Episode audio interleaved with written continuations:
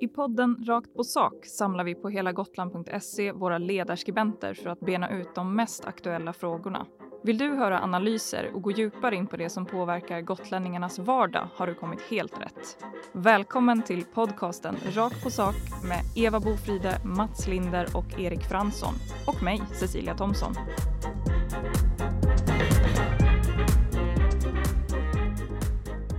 Det lackar i allra högsta grad mot jul och det är därför hög tid att låta våra ledarskribenter hålla låda på temat.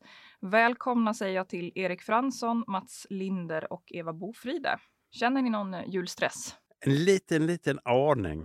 Um, jag, jag, köpte en uh, julklapp, min första julklapp ovanligt tidigt i år för jag började känna att det, den lilla stressen kröp på lite grann. Hur är Erik? Jag blir alltid stressad inför jul. Det, det, det, är inte alls min högtid. Vad då, då? Vad är det som stressar? Nej, men alltså att det, det, jag upplever att det finns så mycket krav på en och på att allting ska bli så bra och så fint runt jul.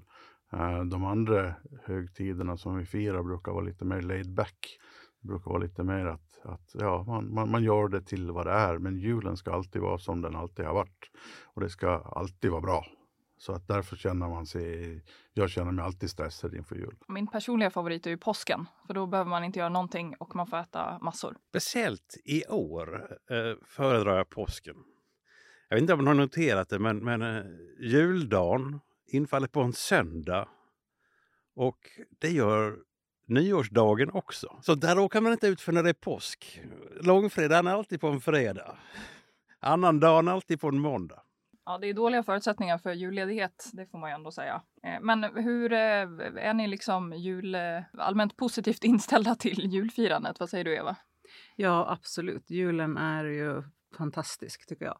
Den är, jag har slutat stressat för, jag vet inte om jag någonsin, ja, kanske någon gång i livet, men, men inte numera. Nu tar man det som det kommer. Det blir jul ändå, som Babben nu, hennes budskap till oss alla i jul.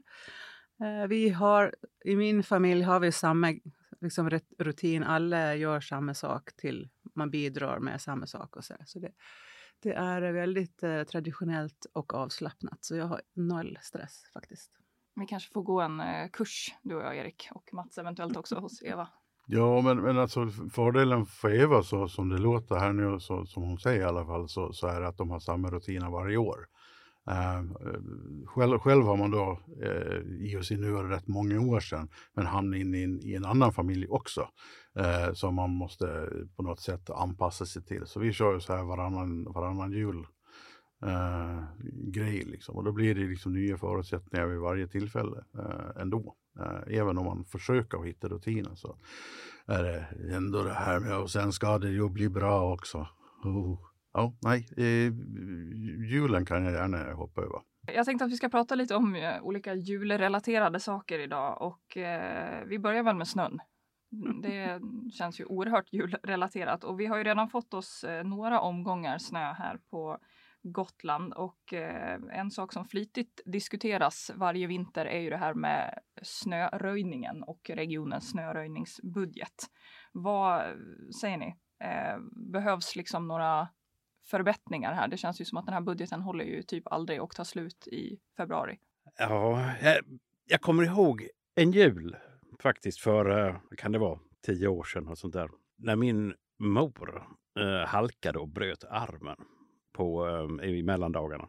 Eh, och det var när hon var i, på besök, så vi, vi åkte upp till akuten. Det, detta var inte på Gotland ska jag säga, så det måste vara mer än tio år sedan. Nej, vänta, just det, jag firade jul i Stockholm det året. så var det. Och där på akuten satt jag tillsammans med min mor och ja, kanske 20 andra kvinnor i samma ålder som min mor.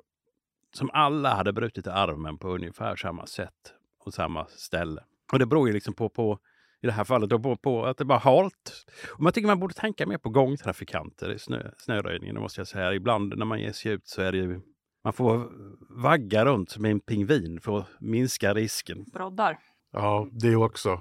Sen är jag beredd att hålla med Mats. Alltså, det känns som att man, man satsar stenhårt på att sanda för fyrhjuliga fordon som är krocksäkra samtidigt som, som man, man inte sandar för tvåfota människor som, som trillar omkull utan krockkudde. Liksom. Det, det, jag, jag, jag tycker det är en fel prioritering. Eh, så det- här håller jag med Mats helt och hållet. Det är det som man av någon anledning har en gång kallat det feministisk snöröjning när man skulle prioritera gångtrafikanter och cyklande. Och, så där. och jag fattar inte vad det har med feminism att göra, men, men jag håller med. Det, borde, det är ett större problem att ta sig fram eh, med alltså gående i, i massa snö än det är med sån bilar vi har idag. Så att det håller jag absolut med om. Åtminstone så länge man har vett att ha dubbdäck.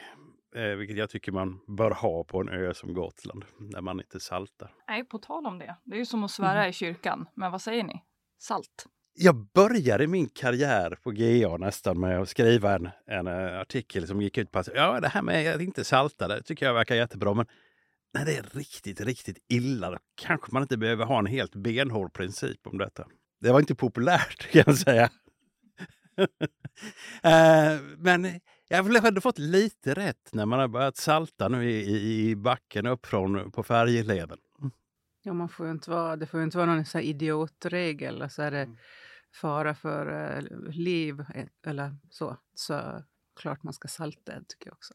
Men risken är att om man börjar liksom tumma på det på fler ställen så är det risk att snart har vi salt överallt. Men att man har börjat salta i färjeleden har ännu inte lett till att en våg av salt sköljs över hela Gotland. Jag, jag tycker det räcker som det är. Alltså, eh, att man har valt att börja salta i handbacken, det, det känns vettigt med tanke på, på hur det, det ser ut där och, och på de problem som har varit. Eh, men däremot så kan man hålla ifrån sig det ute på de andra vägarna. Det är möjligt att det finns några, några andra ställen som man kan överväga, men, men nej, det är allmänt inte salt. Här, här, här är vi också överens. Jul, julstämning. Ja, det är sån härlig julstämning här idag tycker jag. Eh, En annan sak som vi ju verkligen gillar att göra eh, över jul är ju att äta. Och eh, jag tänkte börja med att höra hur är det med er? Vad kan ni liksom inte vara utan i matväg eller dryck kring julen? Eh, Jag, till julmat älskar jag en snaps, måste jag medge. Börja med snaps. det kan jag inte vara utan. Och om man bland all julmaten ska välja någonting, då får det bli rullsyltan som jag vill slå ett slag för. Åh herregud, det var specifikt. Jag tycker det är liksom paketet som är det som är gott. Liksom en och en grej kan man ju äta när som helst, men just att det är det här som, som vi i och för sig äter så fort vi ska fira någonting så äter vi samma sak. Men, men just på julen är det ändå lite- Hävdar du att det äter jul, rullsylta året Nej, runt? det finns inte ens på julbordet. Stackars er. Det känns som att rullsyltan kan eh, dö ut. Mm. det känns just utrotningshotat. därför jag vill ha en liten kampanj för den. Eh, alltså, som alltid så är det ju prinskorv, köttbullar och rödbetssallad som är det som, som gäller. Men, men med tanke på de småländska inslagen i familjen så har jag också börjat uppskatta eh, uppstekta eh, kroppkakor.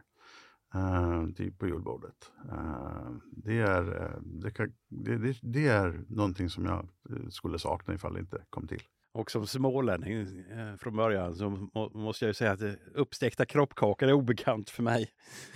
Det är ju jättegott, är det, men jag har inte heller hört det på. Men det kan vara någon småländsk Mm. tradition. Vad vill ni verkligen inte ha då? Dopp i gryta och lutfisk. Vörtbröd är, det är ingen favorit. Ja, det är fina grejer.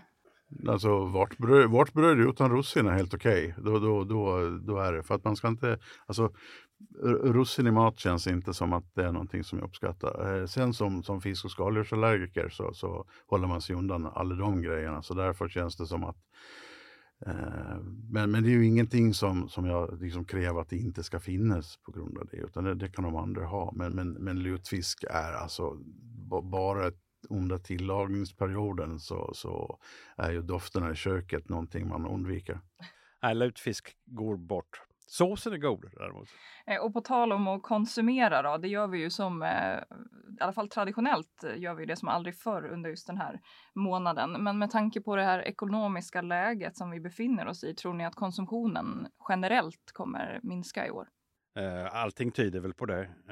Och det vore ju konstigt annars, måste jag säga. Jag, skulle bli mer orolig om inte- inte folk jag säga, höll igen lite grann. Ehm, utan ehm, man har tillgång till mindre pengar. Man vill också ha en buffert liksom, för efter jul. Så det tycker jag är rimligt. Ja, det borde ju... I och för sig blir man ju eh, förvånad varje gång när det slås rekord på rekord oavsett vad som händer. Så att, eh, får vi se. Men ja, det borde ju vara så att eh, det hålls igen. Ja, ja. Alltså enda orsaken till eventuella ökningar är väl att man, att man köper för, för mer pengar men mindre grejer med tanke på att allting har gått upp i pris. Uh, men men jag, jag, jag, tror inte att det kommer bli något nytt rekord i år heller. Uh, det borde inte bli det. Men som sagt, man, man, man kan aldrig låta bli att bli överraskad över, över de siffrorna man får höra efteråt. Ja, det kanske är så att julen tummar man inte på oavsett.